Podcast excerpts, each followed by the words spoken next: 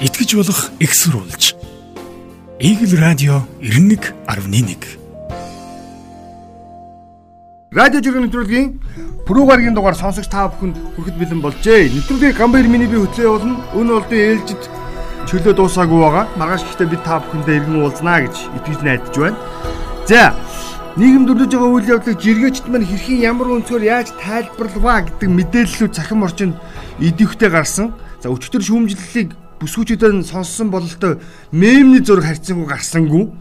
За тэгвэл харин эсрэгээр эдийн засгийн холбоотой мэдээллүүд цахим орчимд ялангуяа твиттерчд маань их янз бүрээр бичиж байна. Олонний анхаарлыг татсан койны төрсэн асуудлаар за буд гариг бор гэдэг хаягнаас жиргсэн. 10 сарын 22-нд Discoin за энэ Монголын шүү. А тренд цэгийн мен дээр арилжаалж эхэлсэн. Ханшин 10 сарын 22-нд оргилдоо буюу 13 төгрөгнөөс 80 төгрөг болж өсөөд 11 сарын 2-ны өдрийн байдлаар 5 төгрөг болж унтлаа. Zcoin авсан нэг иргэн өөрийн олон жилийн цалингийн хуримтлал 97 сая төгрөгөө хэдэн өдрийн дотор 8 сая болгосноо хуваалцаж харамсваа. Аимшигтай багаз.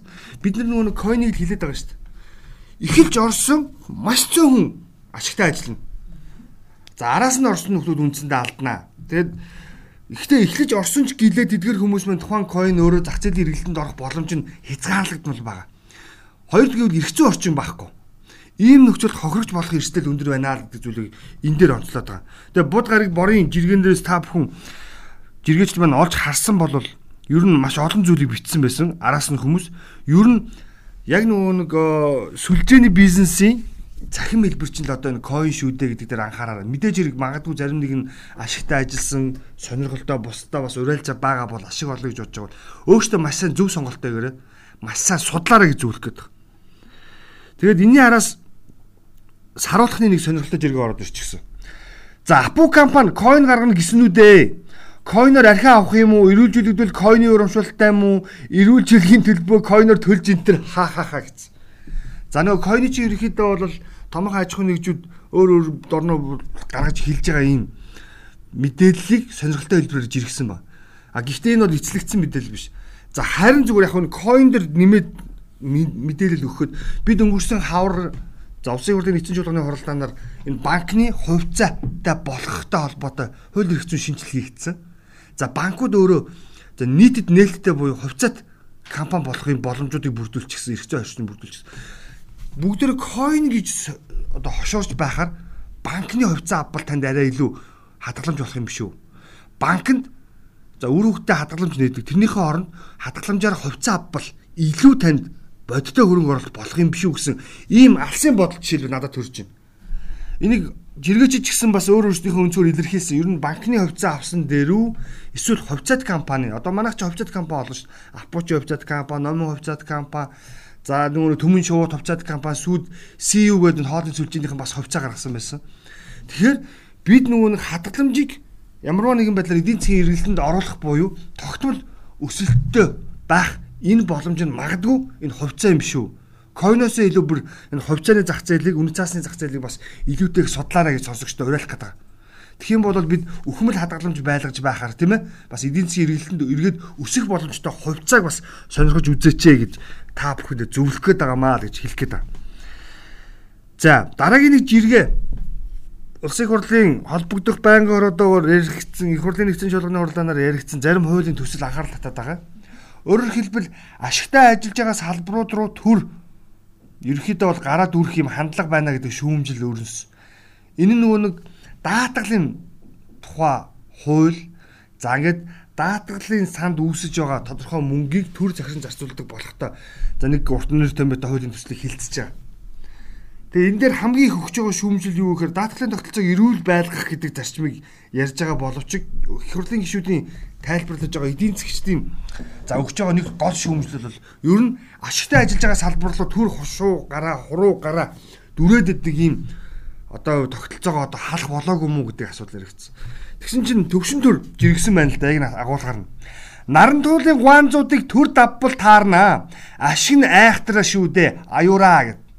Өөрөөр хэлбэл одоо яг даатгын тухай хуулийн шинжилгээг буюу хуулийн нэмэлт өөрчлөлтийг улсын хурлын дэд дарга аюур сайхан санаачлаад хэсэг бүлэг гişүүд явдал оруулж ирж байгаа.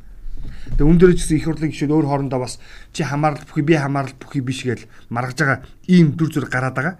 Тэгэхээр үнэхээр төр ашигтай хэлбэрлүү ороод байгаа юм бол тэр нарамтууд хідэн гуанз руу бас төр давбал яасан бэ гэдэг хошин байдлаар байгаа. Яг энэ хөрөнгөний зах зээлтэй холбоотойгоор болтын үлзээ хоёр бас жиргсэн байна. Бод даатгалын хувьцаа 464%-аар унчихлаа. Мандал даатгал хувьцаа компани хувьцаат компани хувьцаа 1% гаруй унлаа. Төр бизнесийг нь булаах сургаар хувьцаа эзэмшигчдийн хөрөнгийн үнц нь унаж байгаа юм байна. Төр даатгалын бизнес хийх хуулийн төсөл өргөн барьснаас гишүүдийн эсрэг хувьцаа эсрэг эзэмшигчд босож байгаа нь энэ болов гэсэн ба. Бас байж болох хувилбар.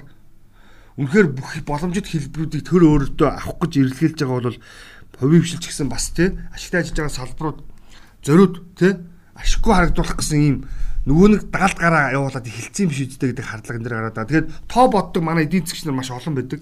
Тэгээд э, Twitter ч гэсэн идэвхтэй жирэгдэх хүмүүс энэ талаар байр суурьдаа бас илэрхийлж байгаа хаа л гэж найдаж байна. За дараагийн жиргэг бид энэ цогт баярын жиргээгээр онцлно. Дахиад төр хувийн хвшлүүд дайрдаг буюу хувь хүний өмчрөө халддаг нэг үйлдэл бол яа харахгүй энэ ачлалгын машинууд байгаа.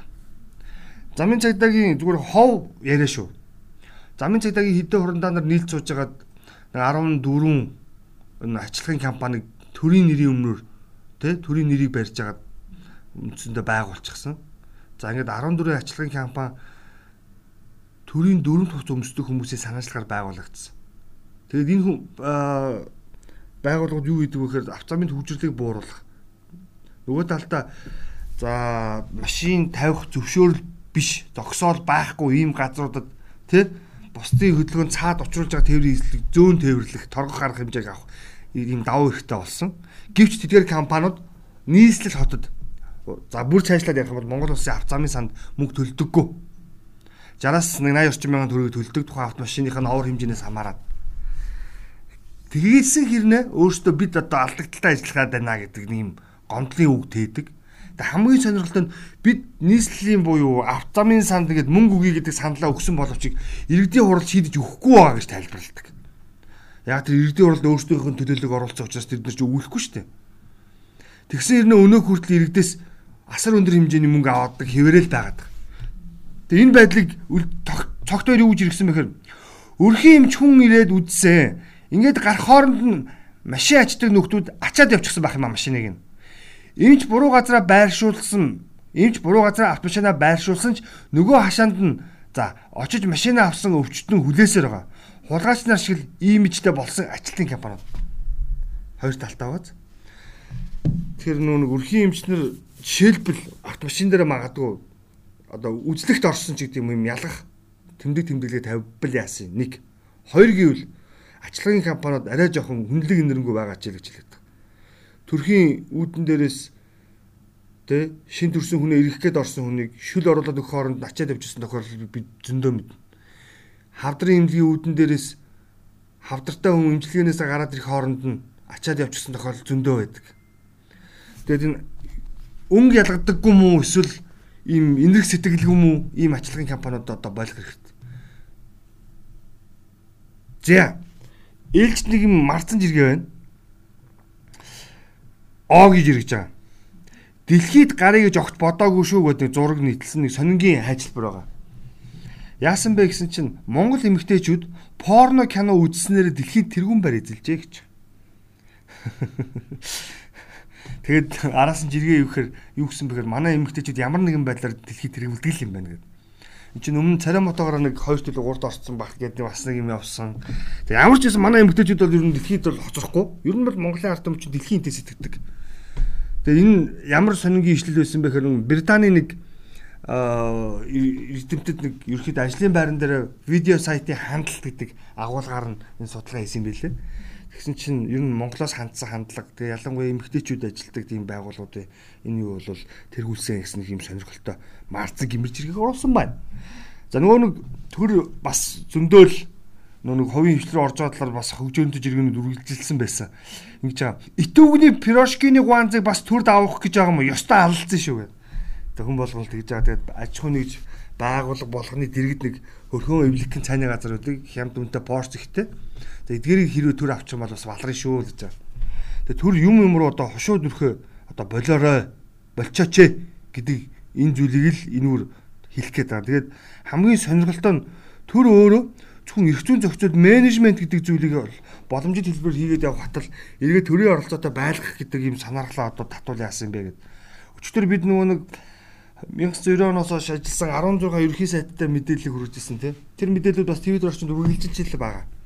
Яагаад вэ гэхээр 16 жилийн биш ээ 16 хүн Монголын 30 жилийг хэрхэн яаж удирдсанаа одоо харж байгаа үсттэй. За 16 ерхий сайдаас за сайн муу ажилласан гэхээсээ илүүтэй бүрэн эрхийн хугацаагаар ажилласан нэг л ерхий сайд байдаг. Тэр нь нөгөө нэг алдарт намбрын их бэр. Бүтэн 4 жилдээ ажилласан. Бусад ерхий сайдны хувьд бол За 1.2-оос 2.5 жилийн насжилттайгаар засгаа удирдсан ийм сайд нар байдаг юм байна. Тэгээд үнэхээр төр ажил хийж чаддгүй мүү эсвэл төрд орохоор өөр юм хардаг болчих тийм үү гэдгийг л одоо энэ гаргаж байгаа хойдууд бас харахаар юм дүр зураг гараад байгаа. За, Огийн ээлжид марцан жиргээ. Шоуцны маргааш өглөө нь өчигдөр яалаа санаараа сан сан сан сан сан санав. Аа, март март март март март бид нэг иймэрхүү өглөө өгтдөг даа гэж. Тэгээ маргааш энэ жиргэг яагаад онцолж байгаа гэхээр маргааш ч нөгөө нэг их эзэн Чингис хааны амралт мэндэлсэн өдөр буюу өвлийн тэргүүн сарын шинэ нэгэн. За энэ өдөртөө угтаад бид бүхний дээрээ тэмдэглэл зохистой гэдэг юм одоо баярын өдрийн хуанлинд бол амархаар оруулсан. Тэгээ өнөөдөр пүрэг барыг боловчиг баасан гариг руу адил нөхдүүд бас мэрсэр нөхдүүд сархтны хэрэглээг бол хэтрүүлэг хэрэглэх нь дамжиггүй юм. Тэгэд энэ үедээ бас ухамсартай байгаараа гэдэг үднээс энэ хэрэгийг онцолж байгаа. Тэгээд бас нэг шоуцны маш өглөө хамгийн муухай үг юу вэ гэж чинь май 6 аав гэдэг үг хамгийн муухай гэж байгаа. Тэгэхээр бас хаана нэг удаж хоёрыг тунгаагаад зохисч хэрэглээг бүс илүү илүүтэй үзээрэй. Гэтэ бас нэг авах юм байгаа даа. Манай өнөөгийн залуучууд бас энэ саргадны хэрэглэнээс хамаагүй татгалцчихсан байгаа дүр зураг бас бий. Нэг үе явах юм бол юм л бол шилтэй цэгийн араас асуудлыг шийдэх гэдэг байсан хандлага бол өөрчлөгдсөн. За нийгэм депресстэй байгаа. Гэхдээ боломжит хэлбэрээр бас энэ хэрэглээг бас залуучууд манаас хомж байгаа гэдгийг бас онцлох хэрэгтэй.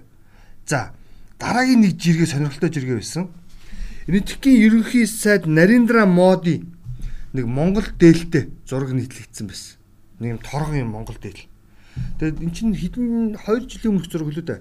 Тэгээд тэр зургийг нийтлээд манайхан нэг хэсэг Нариндра Модиг Монгол дээл өмсчихээ гэж ихэл шуурсан да. Угтаан бол энэ Нариндра Моди Монгол дээл өмссөн биш. Энэтхгийн Ладакийн ард түмний үндэсний хувцаа гэв.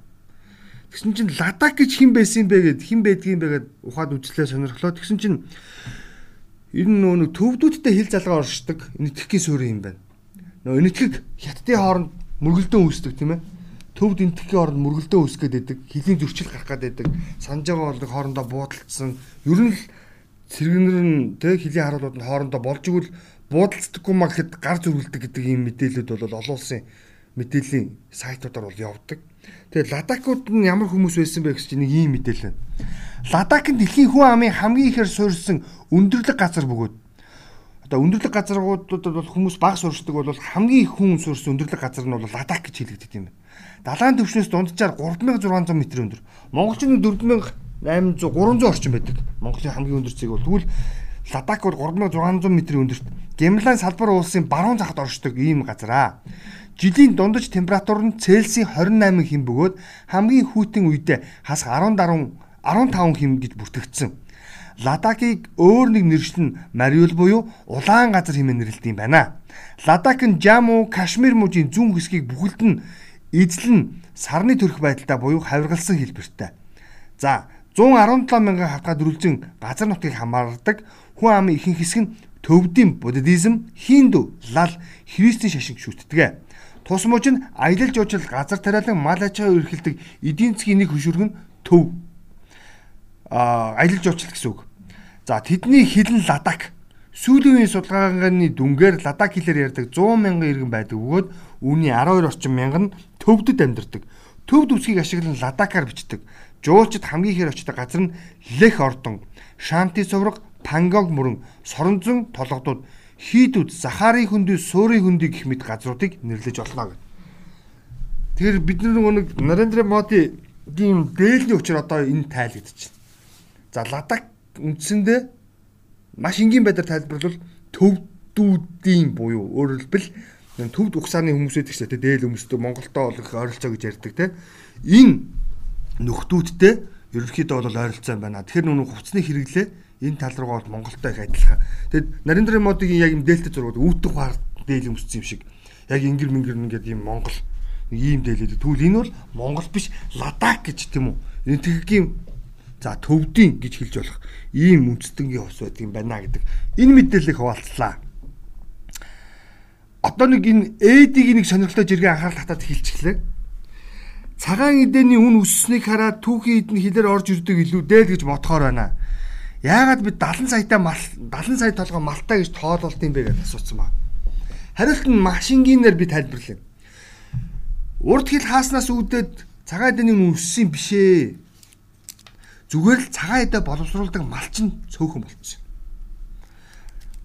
бид нөө зүү аймаг бол цагаан эдэ төдийлөн сайн боловсруулдаггүй. Харцангуй муу боловсруулдаг. Тэр бүхэл айрыг цагаач авдаггүй шүү дээ. За нэг муухагаар хэлэх юм бол за доромж үгээр хэлэх юм бол хитэ хатсан бор харуул байдаг. Зүү аймагийнхан бол. За харин баруун тишээ. За төвийн бүс бол ойлгомжтой. Ихэвчлэн бог малын голдуу сүү цагаан эдэг борлуулдаг. За ингээд айрг тарг эсэгдэг ийм За өмнө бүс бол мэдээч хэрэг за ингэний гаралтай сүүсүүн бүтээгдэхүүнийг бол борлуулдаг. За харин баруун аймагуд бол цагаан хэрэглээний соёл маш өндөр нэвтэрсэн. Баруун аймагуудад цагаан эдэнээс одоо бүх төрлийн ааруулга гаргаж байна. Хуруудыг гаргаж байна. Цагаан тос, шар тос. За ингээд цагаан эдийгээр ямар нэр төрлийн бүтээгдэхүүн боловсруулж болох бүх бүтээгдэхүүнийг баруун аймгийн гаргадаг байлаа. За гэтэл нөх хүн амын шилжилт хөдөлгөөн амжиргааны дагсан их нүүдлийг дагаад хөдөөд буюу баруун аймагуудад цагаан эдэ борлуулдаг боловсруулдаг малчин цөөрцсөн. Миний мэдх Хөвсгөл аймгаар жишээ авъя. Хөвсгөл аймгийн цэцэрлэг сумж гэдэг юм уу? Хөвсгөл аймгийн цагаан ус суманд малчин өрх. За ингээд 100 дөрвөн үрх айл ингээд саахалт зэрэглээ зэрэгэлдээ ингээд зусцаж байлаа гэхэд ердөө нэг хоёр аль нь л яг тэдгээрээ цагаад тэгээ борлуулж байна. Боломжит хэлбэрээр буюу борлуулах гэдэг юм зарж зарж борлуулах биш шүү. Өөрөөр хэлбэл боловсруулад мөн үү өвлөгийн ичэндээ нөөж юм. Илүү гарсан хэрэгцээгээ бусдад худалдан борлуулж байна. За нөгөө хоёр айл бол яаж юм нэхэр зөвхөн зундаа идэх сүү цагаа тэгэл авч байна. Тэгэд энийг очир шалтгааны нь асуухаар нүг хийдэг борлуулдаг нөхдүүд нь цөөрөөд хот руу явж гисэн. Тэгээ мал цөөрж байгаа одоо уйлдаад байна. Тэгээ мал цөөрөд байгаа юм биш ээ. Одоо чи бид 90 гаруй сая толгой мал тоолуулсан. За одоогийн байдлаар 10 сарын 15 мэдээгээр 83.3 сая толгой мал гэнэ гэдэг нэг юм тоо яваад байд. Тэгээ яасан бэ гэсэн чинь мал малдаг хүн байхгүй болсон. Ойлгож байна уу? Мал цөөрөд байна гэдэг нь дандаа айлд эмнийг адуу нууд байж тийм үү саадаггүй үнээ олширч ерөөсөө л ийм залхуу болсон байна. Тэгэхээр цагаан эдэний үн энэ үнэн нийлүүлэлтэд байгаа цөөрж байгаа маа гэдэг дээр л хэлэх гээд байна. За. Дангаас өрийн хотын ээлжид нэгэн жиргээ сонирхолтой зураг байна гэдэг зураг оруулсан. Яасан бэ гэхээр энэ зурган дээр Баян зүрх дүүргийн хороодын засаг дарганаар гээд цэргийн ийм ногоон дөрөв төвч өмссөн нөхдүүд зогсож байна. За ингээ бүгдээрээ ингээд ингэр болон ханцуудаараа ингээд нэртэйгээ тэгээ дүүргийнхаа логотой энэ ногоо овц өмссөн. Тэгээ дангаас инх хот гэж юм. Сонирхолтой зураг байна. Гэхдээ энэ бол их тэнэглэл хулгай шахаа хоёрын нийлсэн дүр зураг харагдаж байна. Энэ хүнд үед манай төрийнхэнд ийм их сул мөнгө байгаа юм байна да. Баян зөвчтөрч 29 лөө хэдэн хороотой гэдэг лээ? 34 билүү? За энэ хороотын тоог бас дахиад даруй нэг 10 гарнаар нэмэгдүүлэх байгаа гэдэг мэдээлэл бий. Тэгээд 30 хүнд одоо хувц өгж байгаа юм шиг л дээ. Тэр хорооны бүх ажилтнал л өгөн л дөө. Тэгээ нүрийн хүргүү зардлагаж. Тэгээд яг л хэлсэн л байна л та. Хулгай. Төрөөс мөнгө хулгайлж шít. Шаха. Хулгайлсан мөнгөө цэвэрхий хийхин тулд өндөр өртөгтэй хямд үнийг хувцыг дараа нарт өгч. Гуравт нь тэнэглэл гэдэг чинь энэ аахгүй. Хорооны дарга засаг дарга нар. Тэгээ бас энэ дор маш олон хүн бичсэн л дээ. Хой золонгос юм уу хайшаа. Эсвэл бид эргээд нөгөө нэг юм диктаторны гэж хэлэгддэг те. Энэ нийгмийг хүсэж байгаа мó гэдэг. Энэ жиргэнүүд явсан. Тэгээд нэрэл энэ зургийг харахад бас л цамаан байгаа шүү. За өмнө нь бид жиргээ нэвтрүүлгээр хөргөжсэн нөгөө онгоц ачаа тээврийн онгоц бидэрт байна. Татруу төлж чадахгүй гаццсан байна. Энийг нь аймд явуулж байгаад ингээд авчиж болдгоо мó гэдэг санаа дэвшүүлчихсэн. Нөгөө онгоцны зураг дахиад орсон. Пресс центр гэдэг хаягнаас жиргэжээ. Бүхэл бүтэн ачааны онгоц байсаратал түүнийхээ хэргийг огт гаргадаггүй. Зогсоол зэврүүлээд сууган үнэхээр олхиогүй арчаагүй хэрэгээ. Морьтой атлаа явган монгол шүү дээ. Бас бас гоё хэлсэн байгаа юм тий. Тэгээ үнэхээр бид дотоод нөөц болж байгаа ашиглаж чаддаггүй гэдэг чи одоо энийг л хэлээд байгаа бид юу ч хэлэх өвдөд одоо яах учиртай юм гэдгийг бол гайхаад байна. Тэгэд энэ жиргээчд маань бас юмны голыг бол мундаг олж хилээд идэг. Тэгээд амьдрал дээр бүгдээр бас энэ жирэгдэг шиг ухаалаг шийдвэрүүд гаргахад бас бодиттой байдлаар бас нөлөөлөл үзүүлдэг баяа л гэж та бүхэндээ уриалах гээд байгаамаа. За хандаа гэдэг нөхөр нэг сонирхолтой жиргээ явуулсан байлаа. Би 27 насныхаа төрсөн өдрийн 7 хоногт өмнөд Судааны дөрвөстэй уулзаж ярилцсан төслүүдээ сайжруулахаар Уганда улсын дөрвөстийн хорангоос хуаран хуаран дамжин явнаа. Миний хувьд хамгийн утга учиртай кул төрсөн өдөр энэ үнэлээ. Гоёгоос. Тэгээ бидний цөөхөн монголчууд бас мэдгүй чадахгүй хөрөхгүй зүйл бас цөөхөн болчихжээ. Маш олон жиргээч гаднаас жиргдэг. Гадаадын улс оронд ажиллаж амьдардаг. Тэгээд янз бүрийн олон улсын төсөл хөтөлбөрүүдтэй хамтран ажилладаг. Тэгээд тэгээд гадаадад байгаа жиргээч юмыг арай өөрөөр хардаг л да. Ягаад тэр энд байснаас илүү их тийм үү. Тэгээ монголчуудаараа бахархыг гэж зориод энэ жиргэг онцолж байгаа.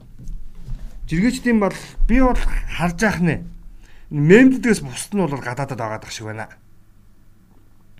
За маргааш их эзэн Чингис хааны төрсөн өдөр гэд хэлчихсэн. Тэгээд их эзэн Чингис хааны өдрөөр Монгол төрийн тэргүүндэд одон гэдэг зүйлийг Чингис хааны одон гэдэг байдаг. Энэ одонг бол гардуулдаг нэг эрхэнд нэг л хүнд гартуулдаг. Тэгээд өнгөрсөн хугацаанд бол чамлахааргүй олон хүн бас авчихсан. Өөрөөр хэлбэл энэ Чингис хааны өдөр тэмдэглэж ирснээс хойш ихэвчлэн Монгол төрийн удирдлагын багт ажиллаж байсан эрхмүүд авсан байдаг. За урлаг соёлын салбараас бас нэг мэрсэр хүн авсан. Одоо Ариун Баатар тэргүүтэй хүмүүс авсныг та бүхэн санаж байгаа. За шинжлэх ухааны салбараас бас авсан байгаа. Тэгвэл энэ удаад энэ Чингис хааны одон хэн авах вэ гэдэг маргаан хилцүүлэг гэхүүд Twitter орчинд идэвхтэй явж байгаа. Үүнд бол нэг номероор мэдээч хэрэг нөгөө зүрхний болцсах юмч явж байна лээ. Өөрөөр хэлбэл олон нийтэд санал гаргаж аа зүрх ургуулдаг хүнд бид нар мод тарьдаг хүнд биш зүрх ургуулдаг хүндээ бол энэ одон энэ удаад үйл яасан бэ гэдэг санаачлагж явж байгаа. Тэгээ маш олон хүн дэмжиж байгаа илэрхийлсэн. За тэгсэн чинь Бадрагийн жиргээ Чингис хааны одон хүртэг эрхэн хийн болоо гэд тодруулж хэлэх юм бол олон нийтээс тийм үү? Одоо санал болгож байгаа хүмүүсийн зургийг оруулсан. Жишээлбэл энэ дээр төрийн хошоо шагналт жанцан нурга хөгжмөн цохилж. За зүрхний болцаахан юмч. За Монгол попыг үүсгэн байгуулагч төрийн сойрхолт болд пауэрлифтингийн аа бишээ паралимпийн олимпийн авраг тэ хэм блэ даш өө нөгөөдгийн содном содном бэлчээ За ингээд 20 дугаар зууны шилдэг бүх дэлхийн чөлөөт бүхийн данстай бүх гэдэг баян мөнх авраг. За олимпийн олимп дэлхийн медальт за дэлхийн авраг тамирчин урна уран цэцэг урнаа гаят гэж хэлдэг те. Тэгээ би нэг танихгүй маа нэг эмч байна бас эмхтэй. За ийм хүмүүсийн зураг жишээлбэл цохиж явна лээ. Тэгэд маргааш эрхэм төрийн удирдлагууд энэ их эзэн Чингис хааны одоо хинд гардуулах вэ гэдэг өөрөө бас сонирхол татчих байгаа. Тэгээд твиттерчдийн бол бараг л нэг 50% нь бол зүрх ургуулдаг болт сайхан эмчтэй өгөө л гэдэг ийм жиргэнүүд бол явж байгаа. Гэхдээ бол сэтгэлийн хөөрлөөр асуудалд хандах уу гэдэг асуудал өөрөө бас нягууртай. Тухайн хийсэн бүтээсэн зүйлс бас бидний нүдэнд үзэгдэж харагдахгүйгээр бас те нийгэмд ямар үнэлгээ өгж өгж байгаа гэдгийг бас учир мэд хүмүүс нь бас тэнцүүлж харах байхаа л гэж хэлэх гээд байна. За дараагийн нэг жиргээ энэ цан дэлгэггүй жиргээ. Даашин хүүгийн пүүсийг хэрэггүй л гаргасан юм да. Тэд нар чинь баг хүүтэй байсан байна лээ штэ. Шаал димээ ард дэвсгэл хийсэн гэж. Яасан бэ гэсэн чинь энэ нэг банкны хүүтэй холбоотой мэдээлэлд анхаарал татаад байгаа тийм. Ер нь энэ хадгаламжийн хүү байхгүй болчиход бууруулчаад тийм. Үндсэндээ бол байхгүй болцсон. хадгаламж байж энэ банкуд чи өөрөө тэр мөнгийг зарж амьдарч байгаа хүмүүс дээ. Тэгсэн хэрнээ зөөлийг хүүгээ бууруулдаггүй. Тэгээд мөнгө хүлэгчдийн ургийн бичгийг ил болгож үе үеэр нь жигшээе гэдэг жиргээ араас нь явуулж. Бас л эвгүүтэж ирэх байгаа шүү. Тэ даашийн хүүгийн бүсийг ер нь хэрэггүй татан болгосон тэ. Ардын өвсгөл хийгээгүй байсан болол гэдэг бас л капиталист жиргээл гэж бас энийг хэлэх бах. За энд нэг юм Бат Эрдэнэ гэдэг нэг багш байдаг энэ нөхрийн жиргээ. Корона сайн дурын карантин бас мод тарих услах гэд олонх нь за ер нь салхинд гаргалгүй бас хөөхөн удасны дараа дүү нарын сал болгосноор хамтдаа салхинд гаргахлаа. За одоо бүгдөө энэ уриалгыг дэмжиж явчих шүү гэж. Тэгээд бид нар 3 өдөр амарна зүгээр гэртээ суугаад яах вэ? Хэдийгээр гадаа цагаагаар сэрүүхэн байх хэдий боловч одоо үйл болмоор шүү дээ. Яхахгүй Монгол цаг тоол бас зөвлөл хэлсэн байна. Өвлийн тэргүүн сарын шинийн нэгэн маргааш тохино. Энэтэй зэрэгцээд өнөө шөнөөс эхлээд ер нь нийт нутгаар хүүтний ирж эрс чангарч за хөдөө орон нутгаар цас ороод явчихсан байгаа шүү. Тэгээ энэ тухайн мэдээлэл та манай манай ээлжид хөтлөгч гэдэг шиг манай нөгөө хөтлөгч а өнөө болдیں۔ Тэгээ Waterman гэдэг постнуудаас бас мэдэж харж болно шүү. Пэйжүүдээс мэдээлэл өгдөг нь аваарай гэж та бүхэндээ бас зөвлөё. За өнөөдрийн жиргээ бол энэ хүрээд өндөрлөж байна. Бидэнтэй хамт байж санал бодлоо хуваалцдаг олон сайхан жиргээчтэй баярлалаа. За жиргэнийхэн төгсгөл нэг харамсалтай жиргээг бас дурдахгүй байхын аргагүй. Өчигдөр буюу 11 сарын 3-ны өдөр нэг харамсалтай хоёр ч эрдэнэт хүн амнасаа алдсан хэрэг явдал гарсан байна. Нэг нь бол ажил өрөө гүйцэтгэж байсан их хүүхд эрүүл мэндийн төвийн эмч ажилтан ажлын байран дээр За ингээд цаг бусаар хорвоог орхисон буюу өөрөөр хэлбэл гинтийн золгүй байдлаар одоо анаас алцаа харамсалтай байдал болсон. Энийг бол дуртахын ам байх аргагүй. Тэгээд үүнтэй холбогдуулан салбарын хэмнэл хэлж байгаа жиргэнүүд бол цахим орчинд идэвхтэй явсан. За үүний араас бол бас яах аргагүй. Энэ салбарыг буюу эрүүл мэндийн салбарыг нэгэн цагт бас удирдах ирсэн эрх юм буюу мөн одоо байгаль орчин аялал жуулчлалын дэд цайдаар ажиллаж байсан. Зам дээр аялал жуулчлалын яамны дэд цайдаар ажиллаж байсан. Шилэг дамбуж ирхэн байсан. Энэ хүн бас цаг бусаараас хорвоог орхисон гэсэн ийм таагүй мэдээллүүд байсан. Тэгээд бид эрдэнэт хүмүүсээ бас ийм залууд нь бас алдаад байх. Тэр хүн амьд ахуйдаа хийж исэн үйл хэргүүдийг бас хөвцүүлийг харлуулад явах тийм нэхэн дурсаж бас ярилцж явах учиртай. Жиргээ жиргээчж ч гэсэн асуудлыг орхигдуулгүйгээр бас жиргсэн байсан. Тэгээд ахуй одоо амьд цэрэг ахуйдаа хийж бүтээжсэн бүгдээрээ дурсацгаая гэж. Тэгээд амьдаан бие биенээ бас хайрлаж байгаарай гэж өнөөдрийнх нэвтрүүлгийг жаргая. Маргааш шинэ дугаартаа ирэх болж байгаа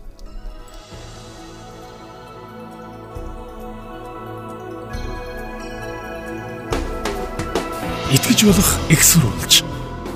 Игэл радио 91.1